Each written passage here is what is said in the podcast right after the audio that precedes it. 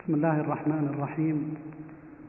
إن الحمد لله إن الحمد لله نحمده ونستعينه ونستغفره ونعوذ بالله من شرور أنفسنا ومن سيئات أعمالنا.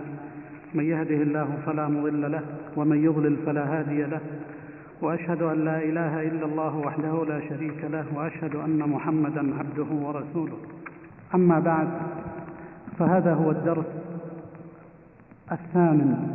من دروس شرح لمعة الاعتقاد.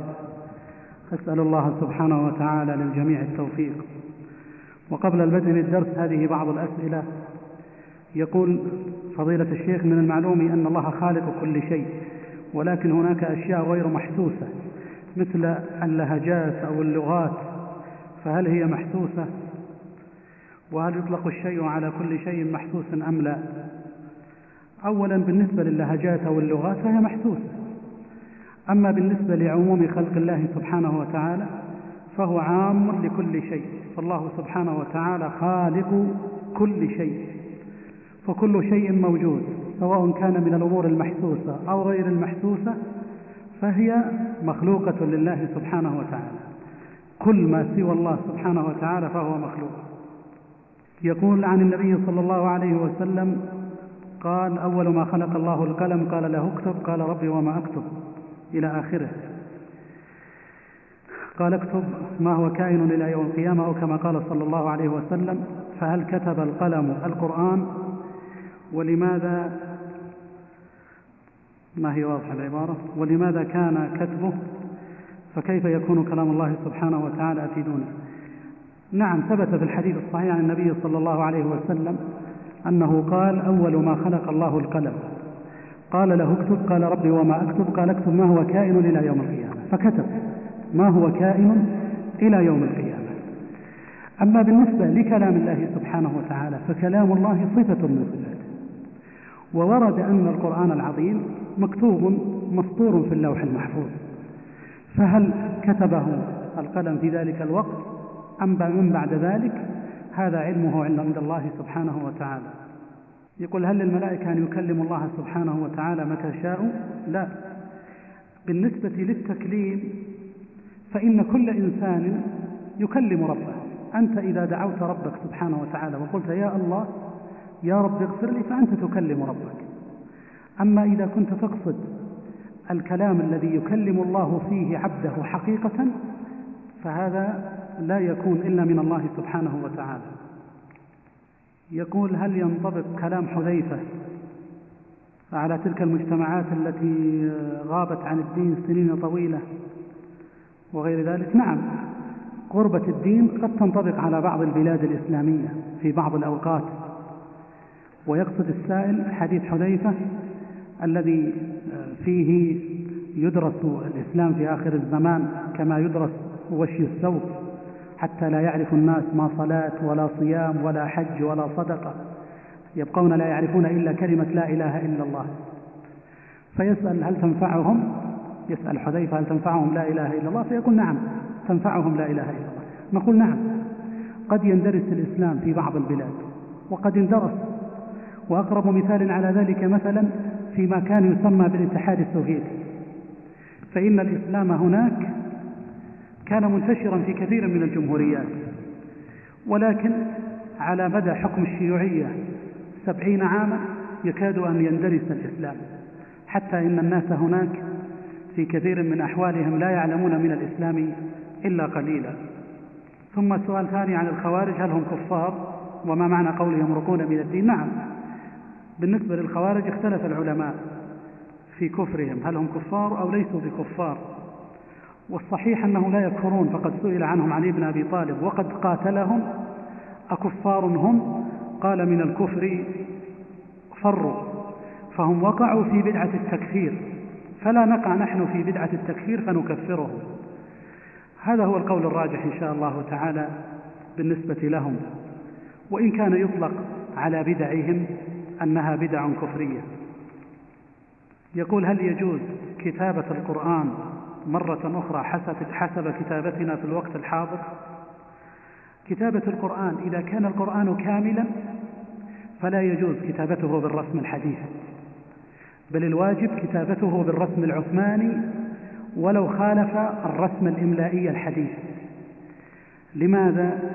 لأن القراءات مرتبطة بالخط العثماني وليست مرتبطة برسومنا نحن واصطلاحاتنا المتأخرة.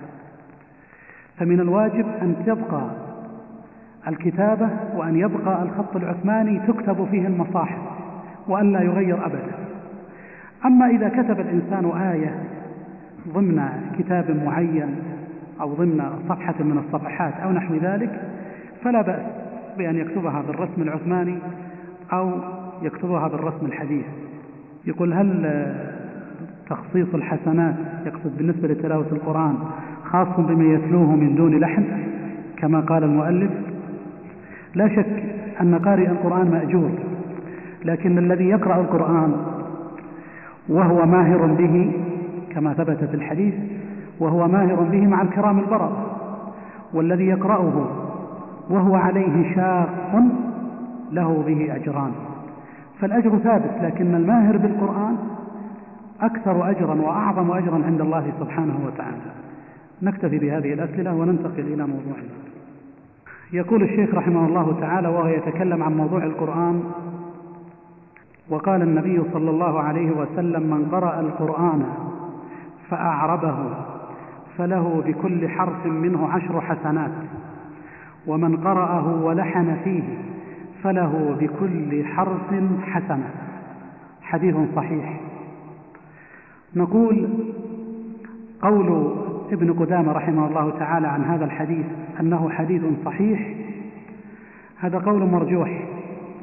ولعل الشيخ رحمه الله تعالى اختلط عليه هذا الحديث بالحديث الآخر الصحيح الذي يقول فيه النبي صلى الله عليه وسلم وقد سبق إراده في الدرس الماضي في الدرس الماضي من قرأ حرفا من كتاب الله تعالى فله به حسنة والحسنة بعشر أمثالها. لا أقول ألف لام ميم حرف ولكن ألف حرف ولام حرف وميم حرف. وهذا الحديث رواه الترمذي وهو حديث صحيح. أما الحديث الذي أورده الشيخ هنا وقال فيه من قرأ القرآن فأعربه فله بكل حرف منه عشر حسنات ومن قرأه ولحن فيه فله بكل حرف حسنة.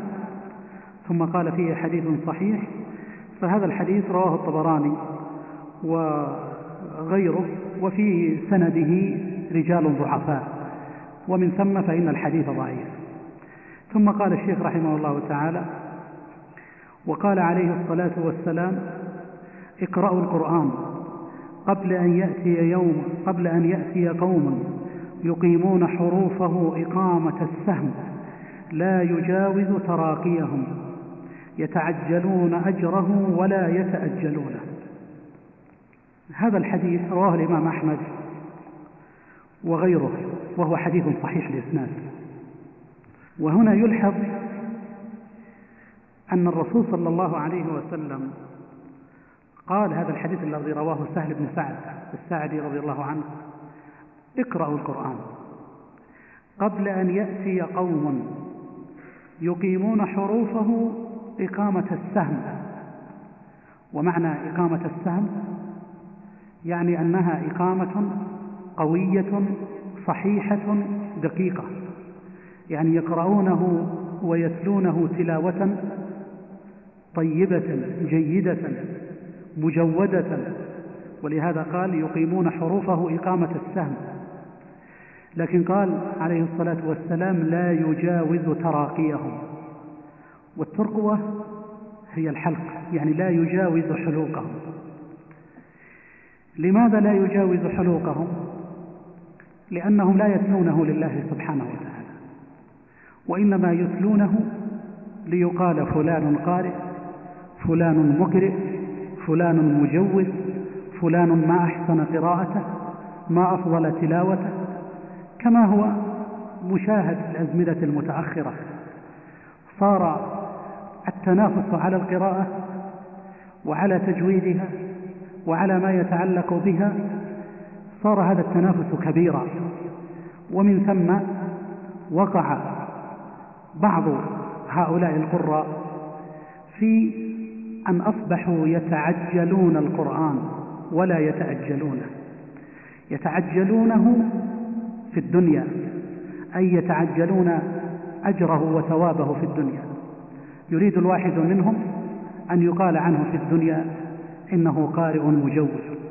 ولا يتأجلونه أي لا يقرأ القرآن يقصدون به وجه الله سبحانه وتعالى ويطلبون فيه الأجر من الله تبارك وتعالى يوم القيامة. مثل بعض الناس الذي يفعل بعض الأمور يريد أجره عاجلا.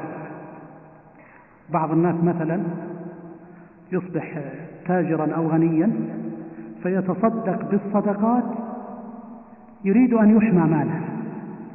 فقط ليس له هدف من الصدقة إلا أن تحمي ماله أو أن تشفي مريضة فقط. ولا يقصد بذلك الأجر والثواب عند الله سبحانه وتعالى. فهذا يعجل له ثوابه في الدنيا لكن لا يجد ثواب صدقته يوم القيامة. كذلك أيضا هذا الصنف من القراء.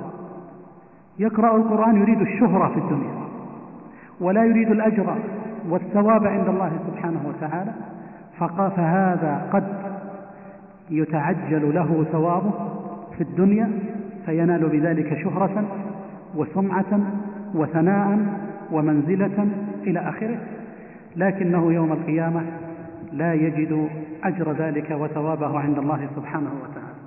ثم يقول الشيخ وقال أبو بكر وعمر رضي الله عنهما إعراب القرآن أحب إلينا من حفظ بعض حروفه أي أن كون الإنسان يعرب القرآن ويقرأه ويتلوه تلاوة صحيحة أحب إليهم من أن يحفظه على خطأ في الإعراب.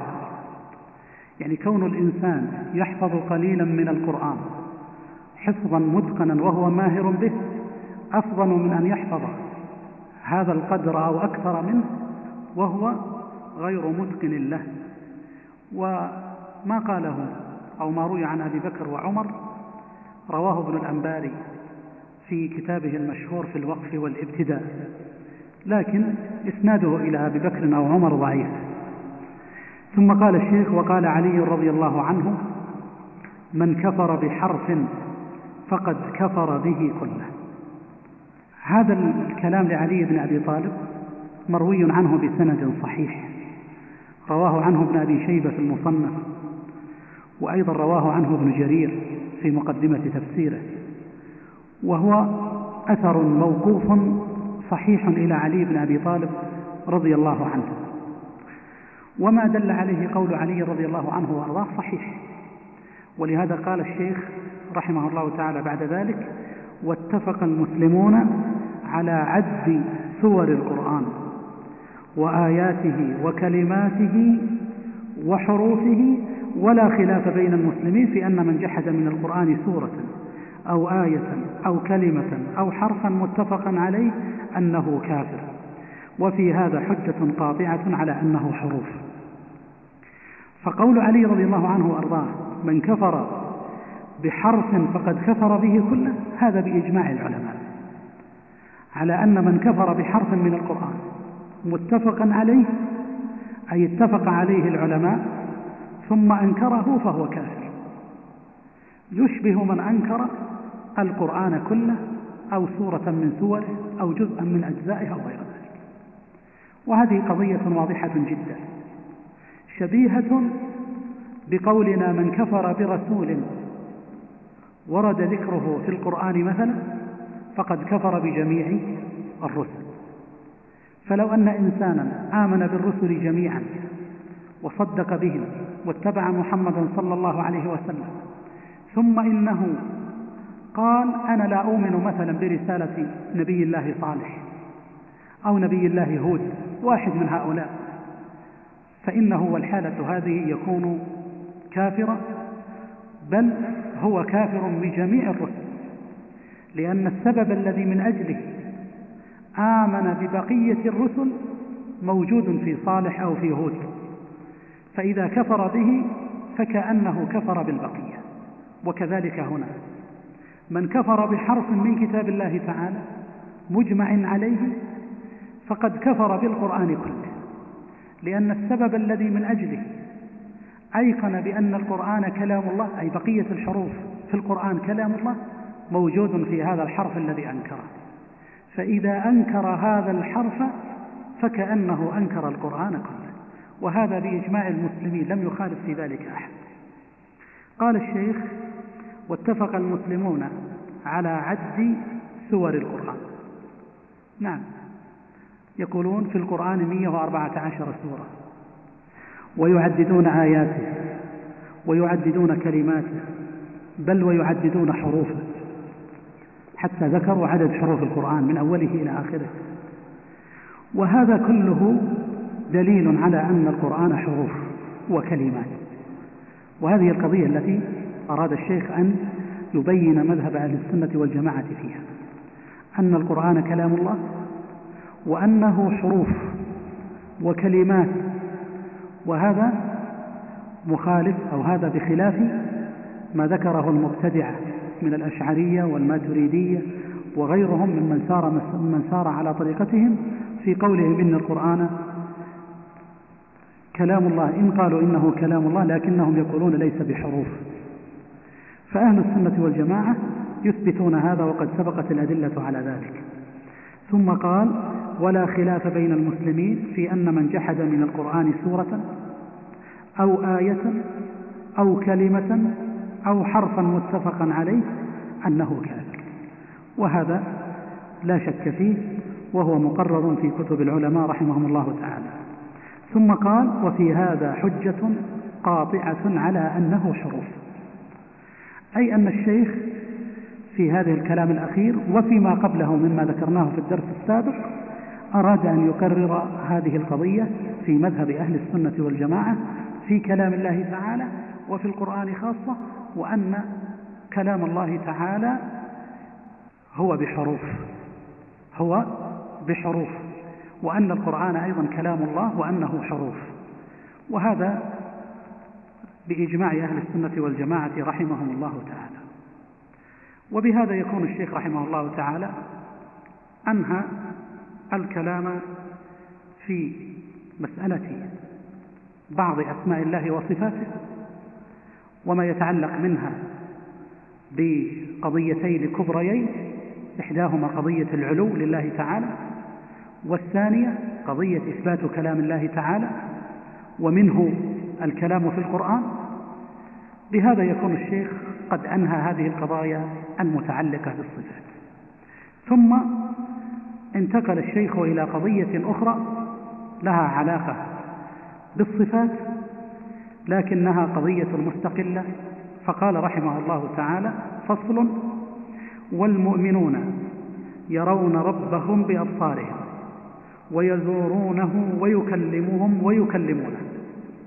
ثم بدأ يذكر الأدلة. هنا في هذا الفصل ذكر الشيخ قضية أيضا من قضايا عقيدة أهل السنة والجماعة ألا وهي إثبات رؤية المؤمنين لربهم. أن الله يرى وأن الله له صفة البصر يبصر هذا لا يخالف فيه أحد إلا الجهمية الغلاة. لكن القضية الثانية هي قضية أن المؤمنين يرون ربهم سبحانه وتعالى بأبصارهم والمقصود بقوله بأبصارهم يعني رؤية. حقيقية وليست رؤية قلب ولا رؤية فؤاد ولا رؤية تعقل وتفكر وإنما هي رؤية عيانية بصرية. فالمؤمنون يرون ربهم يوم القيامة ويرون ربهم أيضا في الجنة. نسأل الله العظيم الكريم فضله. وأهل السنة والجماعة يثبتون هذه الرؤية ويقررونها. وقد ذكروا هذه العقيدة وأدلتها في جميع كتب أهل السنة والجماعة. لم يؤلف أحد في العقيدة قديما وحديثا إلا وذكر قضية الرؤية وأن المؤمنين يرونها وقد دل على ذلك كتاب الله وسنة رسوله صلى الله عليه وسلم والأحاديث الواردة في الرؤية متواترة. وقد أفرد لها بعض العلماء مؤلفات. فممن أفرد لها الإمام الدار قطني رحمه الله تعالى فإن له كتابا اسمه الرؤية وهذا الكتاب مطبوع. وأيضا ممن أفرد له كتابا الآجري فإنه كتب كتابا اسمه التصديق بالنظر إلى الله في الآخرة. وهذا الكتاب أيضا مطبوع. وغيرهم ذكروا الرؤية ضمن كتب عقائد أهل السنة والجماعة. هنا قبل أن نذكر الأدلة الذين خالفوا في باب الرؤية الذين خالفوا في باب الرؤية هم المعتزلة. وسار على منهاج المعتزلة الرافضة فإنهم ينكرون الرؤية تماما. والزيدية فإنهم ينكرون الرؤية أيضا. والإباضية إحدى طوائف الخوارج فإنهم أيضا ينكرون الرؤية. أما بالنسبة لغلاة الجهمية والفلاسفة وغيرهم فإنهم ينكرون ما هو أكبر من الرؤية.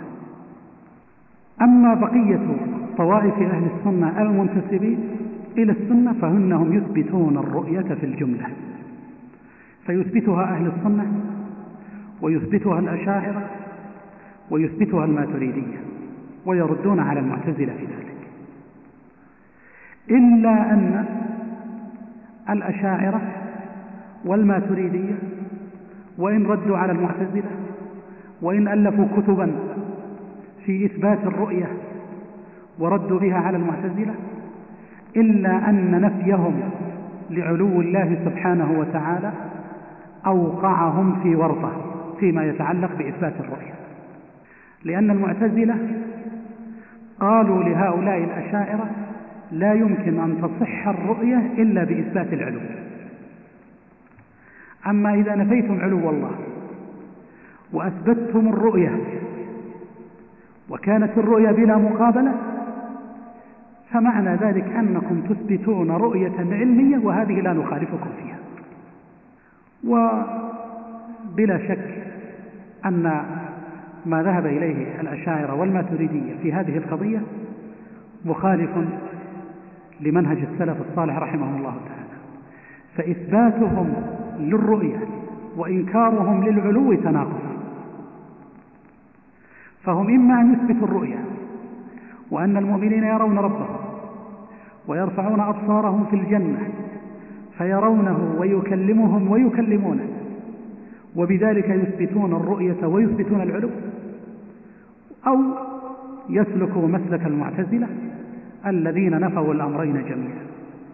نفوا العلو لله سبحانه وتعالى وعلى إثره نفوا رؤية الله سبحانه وتعالى وحملوها على الرؤية العلمية أو نحوها. أما أهل السنة والجماعة فهم الذين وفقهم الله سبحانه وتعالى لسلوك المنهج الحق. قول الشيخ هنا ويزورونه سبق قبل درسين إيراد الحديث الوارد في لفظ الزيارة وأنه حديث وأنه حديث ضعيف. ثم قال ويكلمهم ويكلمونه أيضا سبق الكلام عنه. لكن هنا إثبات لكلام الله تعالى وأنه تكليم بمشيئته وإرادته. وهذا رد على الذين يقولون إن صفة الكلام أزلية وأن الله لا يتكلم إذا شاء متى شاء. فكون المؤمنين يرون ربهم في الجنة ويكلمهم ويكلمونه في ذلك الوقت. يدل على أن تكريم الله لهم إنما هو خاص في ذلك الوقت أي يوم القيامة. فتكليمه لهم وهم في الجنة يدل على أن صفة الكلام لله سبحانه وتعالى هي بإرادته ومشيئته وليست قائمة بنفسه أزلية كما يدعيه الأشاعرة وغيره وهذا واضح وقد سبق بيانه. ثم ذكر الشيخ رحمه الله تعالى الأدلة على إثبات الرؤية من كتاب الله تعالى فقال قال الله تعالى وجوه يومئذ ناظرة إلى ربها ناظرة. ناظرة في الأولى من النظرة والنور والضياء. إلى ربها ناظرة أي تنظر إلى ربها سبحانه وتعالى وهذه الرؤية هي الرؤية العيانية البصرية التي يثبتها أهل السنة والجماعة. وما تأوله المتأولة بقولهم إن قوله تعالى إلى ربها ناظرة إن المقصود إلى ثواب ربها ناظرة أي منتظرة فهذا تأويل ضعيف جدا. لأن لفظ نظر إذا عدي بإلى وجوه يومئذ ناظرة إلى ربها ناظرة فإنه لا يكون إلا في باب النظر البصري العياني. إذا عدي بفي يكون بمعنى؟ يكون بمعنى التفكر. قل انظروا ماذا في السماوات. أولم ينظروا في ملكوت السماوات. والمقصود به النظر هنا التفكر. لكن قوله تعالى انظروا إلى ثمره إذا أثمر وينعه ما المقصود به النظر البصري انظروا إلى ذلك الثمر. ومن ثم فإن الآية نص صريحا في إثبات الرؤية. وقد قال بتفسيرها جماهير السلف رحمهم الله تعالى فسروها على أن المقصود بها الرؤية. أما تأويلها بغير ذلك فهو تأويل باطل وبعيد. ثم قال الشيخ وقال تعالى كلا إنهم عن ربهم يومئذ لمحجوبون. هذا عن الكفار. فلما حجب أولئك في حال السخط دل على أن المؤمنين يرونه في حال الرضا. هذا الاستدلال والاستنباط من هذه الآية استنبطه عدد من علماء أهل السنة ومنهم الإمام الشافعي رحمه الله تعالى. فإنه احتج بهذه الآية على إثبات الرؤية. لأن الله تعالى يقول في سورة المطففين كلا عن المشركين كلا إنهم عن ربهم يومئذ لمحجوبون. فذكر الله سبحانه وتعالى من ضمن عذابهم أنهم يحجبون عن ربهم تبارك وتعالى. وهذا الحجاب لو كان شاملا للكفار وللمؤمنين لما صار بالنسبة للكفار عذابا وسخطا من الله سبحانه وتعالى. لقال قائل وما الفرق؟ أيضا المؤمنون محجوبون عن ربهم والكفار محجوبون عن ربهم. فلماذا هذا التهديد والوعيد؟ إذا يستنتج من هذا التهديد وهذا الوعيد أن هؤلاء الكفار معاقبون بالحجاب وأنهم لا يرون ربهم سبحانه وتعالى. وعلى ضوء ذلك فإن مقابلهم من المؤمنين الصادقين الذين كتابهم في عليين أن هؤلاء لا يحجبون عن ربهم سبحانه وتعالى وإنما يرونه وينظرون إليه. وهذا دليل صحيح وقوي. ثم قال دل على أن المؤمنين يرونه في حال الرضا وإلا لم يكن بينهما فرق. وهذا صحيح. وهذا استنتاج دقيق وصحيح. ثم قال الشيخ وقال النبي صلى الله عليه وسلم إنكم ترون ربكم كما ترون هذا القمر لا تضامون في رؤيته. حديث صحيح متفق عليه. نعم. وردت الأحاديث الكثيرة عن رسول الله صلى الله عليه وسلم وعن عشرات من الصحابة كلهم يروون أحاديث الرؤيا فهي أحاديث متواترة. والنبي صلى الله عليه وسلم نوع الأدلة على ذلك. إنكم ترون ربكم كما ترون القمر ليلة البدر ليس دونه سحاب. سأله بعض الصحابة يا رسول الله كيف نرى ربنا؟ ونحن جميع وهو واحد. فقال لهم رسول الله صلى الله عليه وسلم هذا القمر. إذا لم يكن بينكم وبينه سحاب هل تضامون في رؤيته؟ نعم الجميع يرون القمر. ولا يضامون ولا يجدون مشقة وإن كانوا جميعا يرونه الألوف المؤلفة بل آلاف الملايين لو اجتمعوا لرأوا القمر. ومن ثم فإن النبي صلى الله عليه وسلم أثبت بهذه الأحاديث أن المؤمنين يرون ربهم يوم القيامة عيانا بأبصارهم وقد ورد أن المؤمنين لا يجدون ألذ ولا أنعم ولا أطيب من رؤية الله تبارك وتعالى.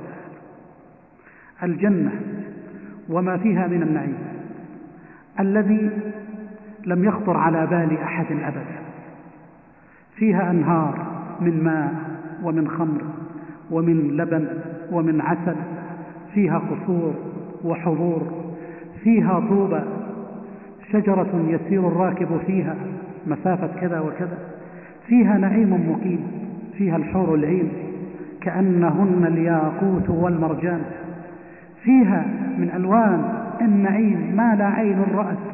ولا أذن سمعت ولا خطر على قلب بشر. ومع هذا النعيم العظيم الذي يتقلب فيه أهل الجنة فإن الله تعالى ينعم عليهم بعدة نعم. منها الخلود لا يخافون. منها عدم الحزن منها الرضا.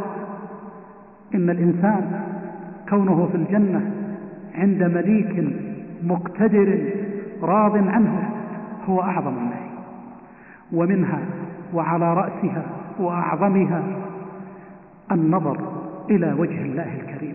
أسأل الله الكريم من فضله. أسأل الله سبحانه وتعالى ألا يحرمني وإياكم والسامعين جميعا من النظر إلى وجهه الكريم. هذا هو النعيم المقيم النظر إلى وجه الله الكريم. إنه نعمة كبرى عظيمة عظيمة جدا. أن يشتاق الإنسان إلى ربه سبحانه وتعالى. لكن من هو الذي يتلذذ بذلك النظر؟ إنهم المؤمنون. كما قال صلى الله عليه وسلم من أحب لقاء الله أحب الله لقاءه. ومن كره لقاء الله كره الله لقاءه. من هو الذي يحب لقاء الله؟ الذي يحب لقاء الله هو الذي عمر آخرته. الذي يحب لقاء الله هو الذي قدم هو الذي عمل بما أمره الله به واجتنب ما نهى عنه. هو الذي آثر الباقية على هذه الدنيا الفانية. نظر إلى حقارتها وإلى تنافس الناس فيها وإلى نكدها وضيق عيشها وإحزانها وكونها إذا أفرحت أحزنت وإذا أحزنت أفرحت لا تدوم على حال نظر إليها فلم يلتفت إليها وإنما التفت إلى ما عند الله سبحانه وتعالى. فإذا جاء يوم القيامة يأتي آمنا مطمئنا وإذا كان من أهل الجنة ينعم ذلك النعيم العظيم برؤية الله سبحانه وتعالى. نعم إنها والله حقيقة لا شك فيها. نعم والله.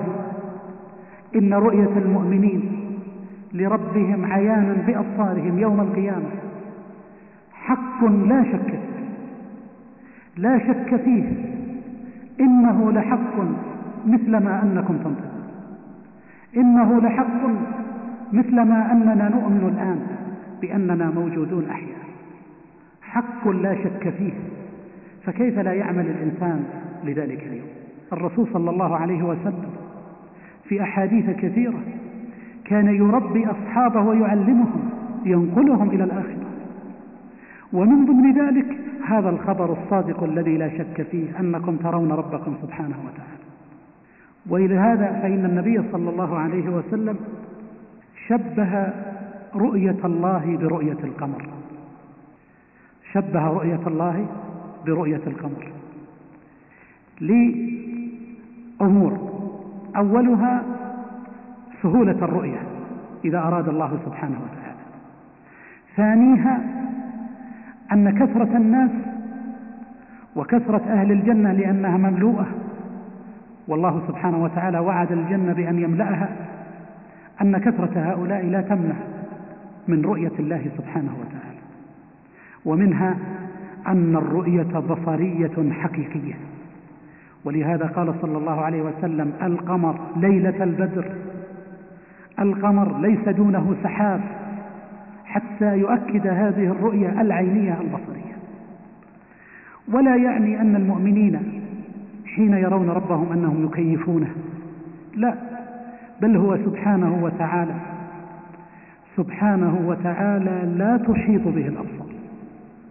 تراه لكن لا تدركه وتحيط به. ولهذا قال سبحانه وتعالى لا تدركه الأبصار. المعتزلة احتجوا بهذه الآية على أن الله لا يرى. وإذا كان المعتزلة هم أهل اللغة فإن الرؤية غير الإدراك. أصحاب موسى لما لحقهم فرعون وكانوا يرونه. ماذا قال أصحاب موسى لما خشوا أن يلحق بهم فرعون؟ ماذا قالوا لموسى؟ إنا لمدركون. طيب يرونهم ولا ما يرونهم؟ كانوا يرونهم.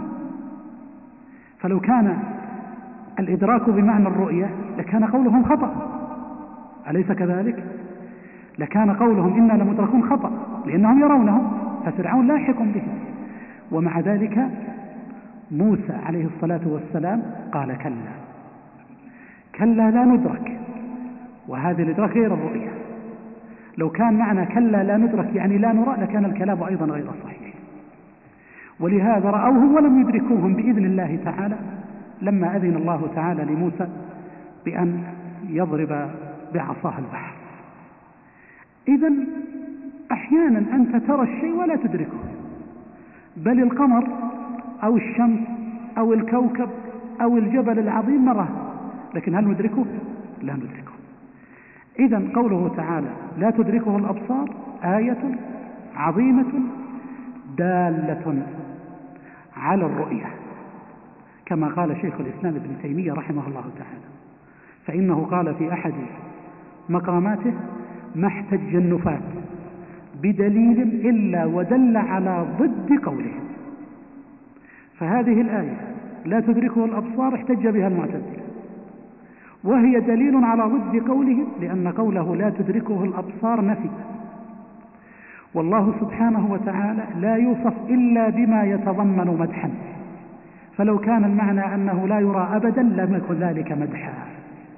لكن لما قال لا تدركه دل على أن نفي الإدراك مع ثبوت الرؤية هو أعظم المدح. هو أعظم المدح لله سبحانه وتعالى فدلت الآية على هذا. ومثله الآية الأخرى. لما قال موسى لربه رب أرني أنظر إليك. قال لن تراني ولكن انظر إلى الجبل فإن استقر مكانه فسوف تراني. فهذه الآية أيضا احتج بها المعتزلة. وقالوا لن تراني يعني أنني لا أرى لا في الدنيا ولا في الآخرة. وهذه الآية حجة عليهم. من عشرة أوجه ذكرها شيخ الإسلام ابن تيمية وذكرها شارح الطحوي رحمه الله تعالى ابن أبي العز فارجعوا إليه. ولكن أشير إلى وجهين فقط وارجعوا إلى بقية الأوجه. منها أن الله تجلى للجبل. قال لن تراني ولكن انظر إلى الجبل فإن استقر مكانه فسوف تراني. فلما تجلى ربه للجبل جعله دكا وخر موسى صائقا أن الله تجلى للجبل فاندك فهذا دليل على أن الله يرى والثاني أنه لا يليق بكليم الله سبحانه وتعالى موسى أن يطلب ما لا ما لا يليق من الله سبحانه وتعالى. لا يمكن. موسى لا يمكن أن يطلب أمرا. لكن موسى طلب أمرا ممكنا. ولكن الله أخبره أنه في الدنيا لا يقوى عليه. أنه في الدنيا لا يستطيع أن يقوى عليه. وفعلا في الدنيا إن الله سبحانه وتعالى لا يرى وهذا يكاد يكون إجماع العلماء أن الله تعالى لا يرى حقيقة ولن يرى في الدنيا. وقد ثبت في الحديث الذي رواه مسلم في صحيح عن النبي صلى الله عليه وسلم أنه قال إنكم لن تروا ربكم حتى تموتوا. إنكم لن تروا ربكم حتى تموتوا. حتى رسول الله صلى الله عليه وسلم كما سبق الرأي الراجح أنه لم ير ربه بأم عينيه وإنما رآه بفؤاده رآه بقلبه أما بأم عينيه فلم يره. ولعل الحكمة في ذلك أن الناس في الدنيا لا يستطيعون أن يقضوا على رؤية الله سبحانه وتعالى. لكن إذا كانوا عند الله سبحانه وتعالى في الآخرة وفي الجنة فإن الله سبحانه وتعالى يعطيهم من القوة ما يثبتون به على رؤية الله سبحانه وتعالى. وهذا هو الصحيح الذي دلت عليه الأدلة الكثيرة. ثم قال الشيخ رحمه الله تعالى وهذا تشبيه للرؤية لا للمرء فإن الله تعالى لا شبيه له ولا نظير. وهذا استدراك من ابن قدامة. استدراك أن يظن ظن. أن قول النبي صلى الله عليه وسلم إنكم ترون ربكم كما ترون هذا القمر قد يظن ظان أنه تشبيه لله بالقمر. وهذا غير صحيح. بل النبي صلى الله عليه وسلم أراد تشبيه مطلق الرؤية. أي كما أنكم ترون القمر فإنكم أيضا ترون الله. ولم يقصد تشبيه المرء بالمرء. إنما قصد بيان الرؤية وأنها حقيقية. أما المرء وهو القمر فإنه لا يشبه الله والله سبحانه وتعالى لا شبيه له ولا نظير له من أي خلق من مخلوقاته. سبحانه وتعالى. وهذه قضية واضحة جدا. بعد هذا انتقل الشيخ رحمه الله تعالى إلى فصل آخر فقال فصل ومن صفات الله تعالى أنه الفعال لما يريد. وهذا ربط للشيخ رحمه الله تعالى ربط للشيخ بمسألة ربط لمسألة القدر بمسألة صفات الله سبحانه وتعالى. ونحن نعلم أن توحيد الله تعالى في ربوبيته وأسمائه وصفاته هو مقتضى الإيمان بالقدر. الإيمان بعلم الله الإيمان بصفة الإرادة الإيمان بأن الله هو الخلاق العليم وأنه خالق كل شيء. فالإيمان بأسمائه وصفاته سبحانه وتعالى مرتبط بالإيمان بالقضاء والقدر. ولهذا قال رحمه الله تعالى فصل ومن صفات الله تعالى أنه الفعال لما يريد. لا يكون شيء إلا بإرادته ولا يخرج شيء عن مشيئته. أنه الفعال لما يريد؟ نعم هذه من صفاته سبحانه وتعالى. فمن صفات كماله تبارك وتعالى أنه عليم أحاط علمه بكل شيء. فعلم ما كان وما لم يكن وما سيكون وما هو كائن علم سبحانه وتعالى كل شيء مما سبق ومما سيأتي. هذا علمه المحيط بكل شيء. وهذه أولى مراتب القدر الأربع. التي ربما يعرض لبعضها الشيخ. المرتبة الثانية مرتبة الكتابة. أن الله تعالى كتب ما هو كائن إلى قيام الساعة. ولهذا ورد في الحديث الصحيح عن النبي صلى الله عليه وسلم أنه قال لما خلق الله القلم قال له اكتب. قال رب وما أكتب قال اكتب ما هو كائن إلى يوم القيامة. وفي الحديث الآخر الصحيح أيضا قدر الله مقادير الخلق قبل أن يخلق السماوات والأرض بخمسين ألف سنة وكان عرشه على الماء وهو أيضا حديث صحيح رواه مسلم. فهذه دالة على أن الله كتب وفي القرآن العظيم أيضا أدلة على أن الله سبحانه وتعالى كتب ذلك.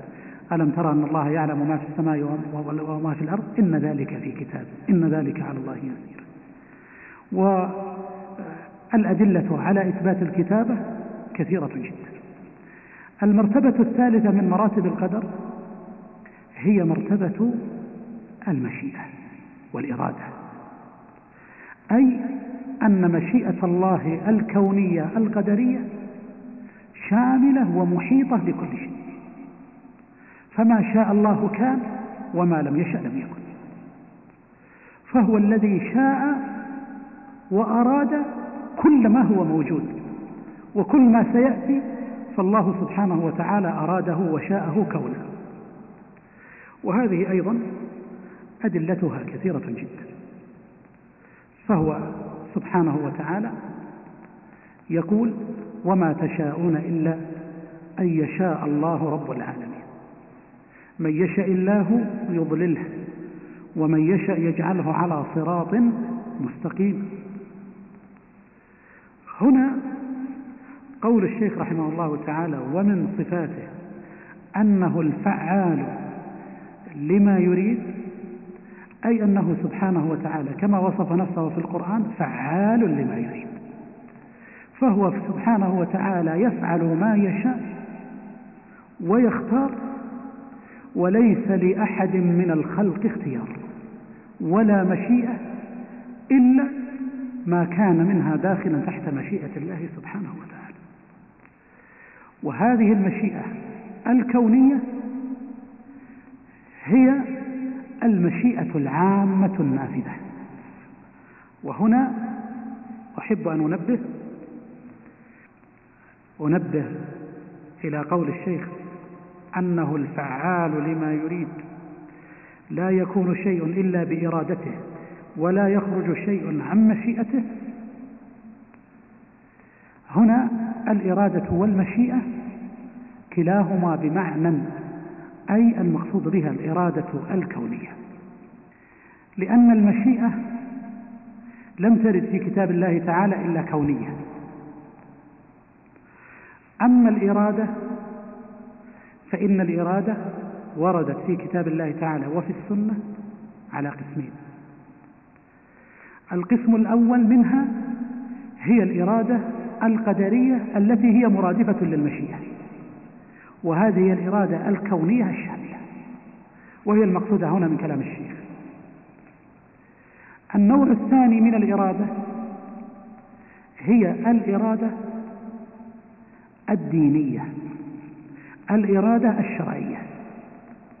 وهذه الإرادة الشرعية هي مختصة بما يحبه الله ويرضاه من أمور الشرع. ولهذا فإن الله تعالى يريد منا الصلاة والتوحيد والعمل الصالح. ولا يريد منا ترك الصلاة ولا الشرك ولا العمل الفاسد. المخالف لأمره سبحانه وتعالى. فنقول هذا يريده الله أي يريده شرعا وهذا لا يريده الله أي لا يريده شرعا لأنه من المعاصي. ودليل هذا من كتاب الله تعالى قوله تعالى يريد الله بكم اليسر ولا يريد بكم العسر. فهذه الإرادة في هذه الآية وفي غيرها المقصود بها الإرادة الشرعية.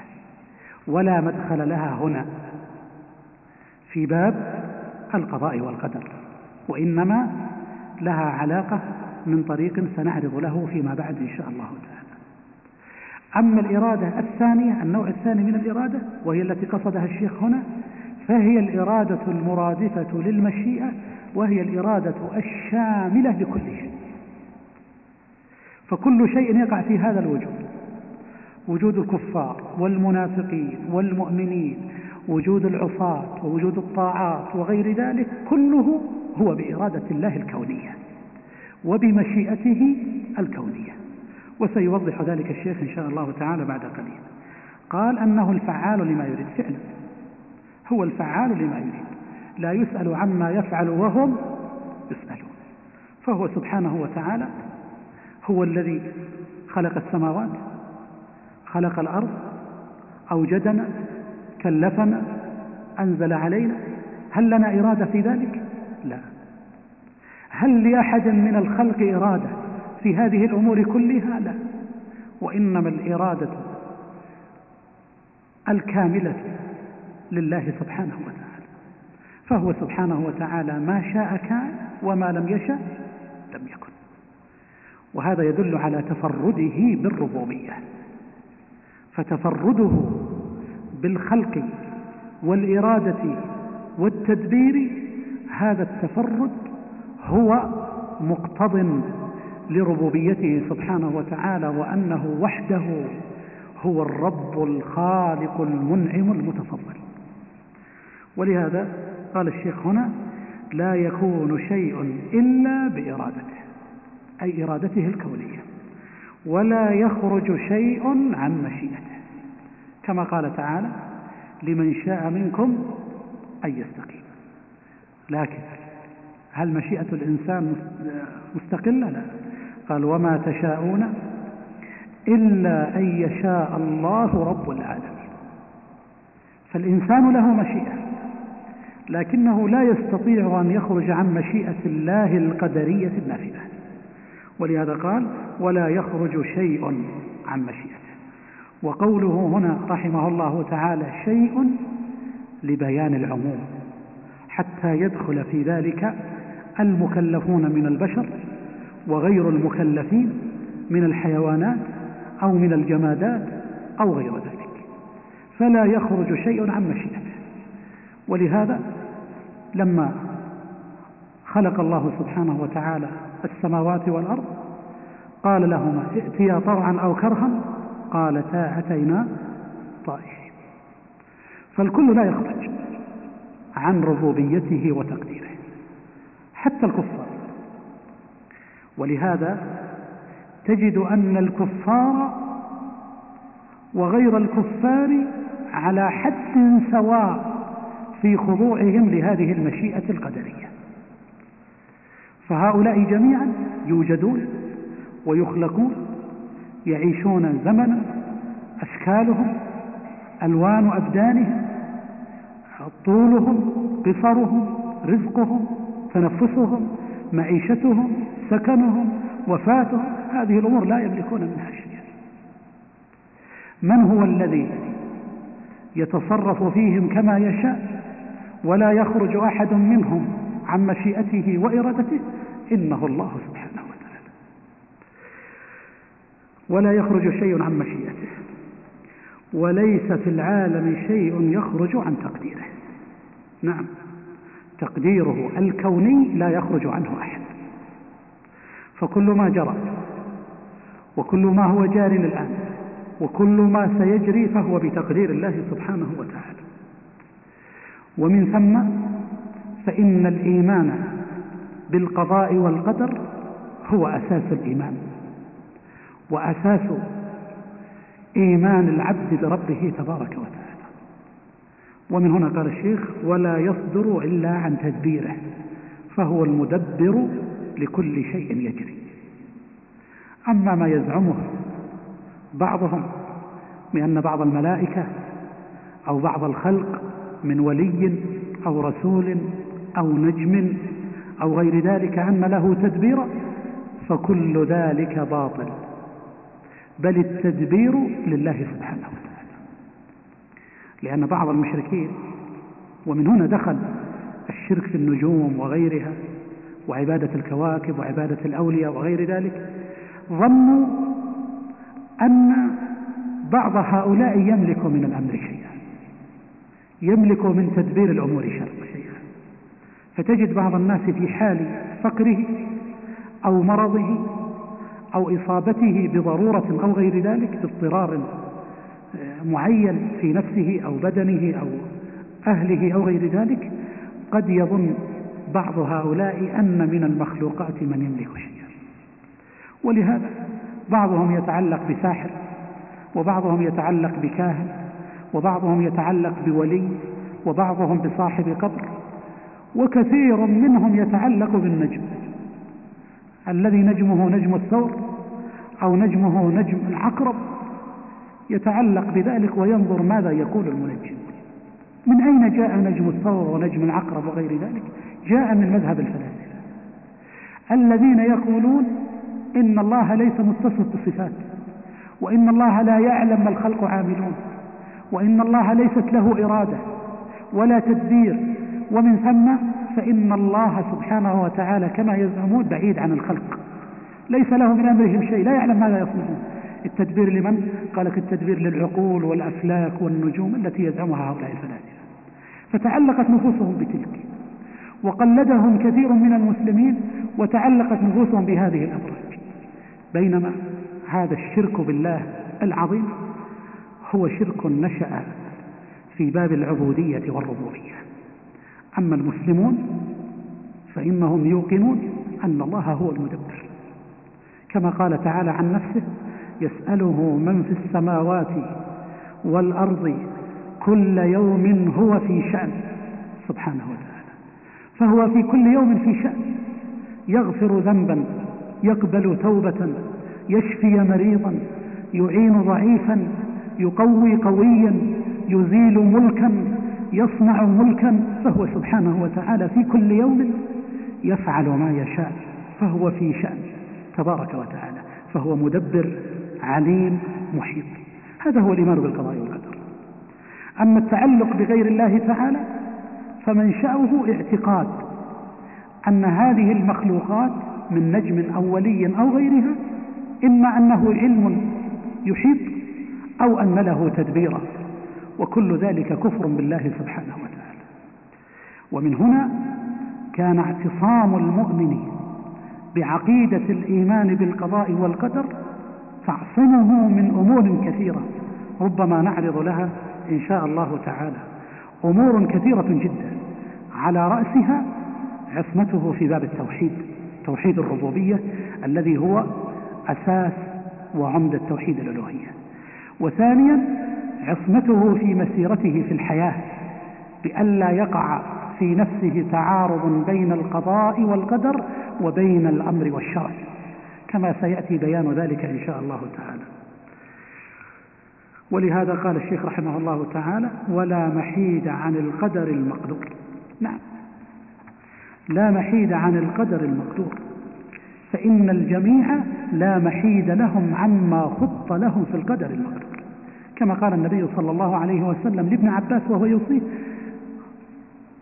قال واعلم أن ما أصابك لم يكن ليخطئك وأن ما أخطأك لم يكن ليصيبك. رفعت الأقلام وجفت الصحف. ولهذا قال عبادة بن الصامت الصحابي الجليل رضي الله عنه وأرضاه عبادة بن الصامت قال لابنه في مرض الموت. انتبهوا الواحد لماذا يوصي في مرض الموت؟ يوصي بأمر مهم. فكيف أوصى ابنه أوصى ابنه في قضية تتعلق بالقدر فقال له واعلم يا بني أنك لن تجد طعم الإيمان حتى تعلم أن ما أصابك لم يكن ليخطئك وأن ما أخطأك لم يكن ليصيبك نعم. متى يكون المؤمن شاكرا صابرا؟ إذا رضي بالقضاء والقدر إن أصابته سرا شكر لأنه علم أن هذا من الله وبشكره يغفر الله له ويرفع له درجته وإذا أصابته الضراء علم أنه قضاء وقدر فصبر فيؤجر على ذلك. وليس ذلك إلا للمؤمن. هكذا يقول الرسول صلى الله عليه وسلم. آه، بقي في القدر موضوعات نكملها إن شاء الله تعالى في الأسبوع القادم وصلى الله وسلم على نبينا محمد وآله وصحبه أجمعين.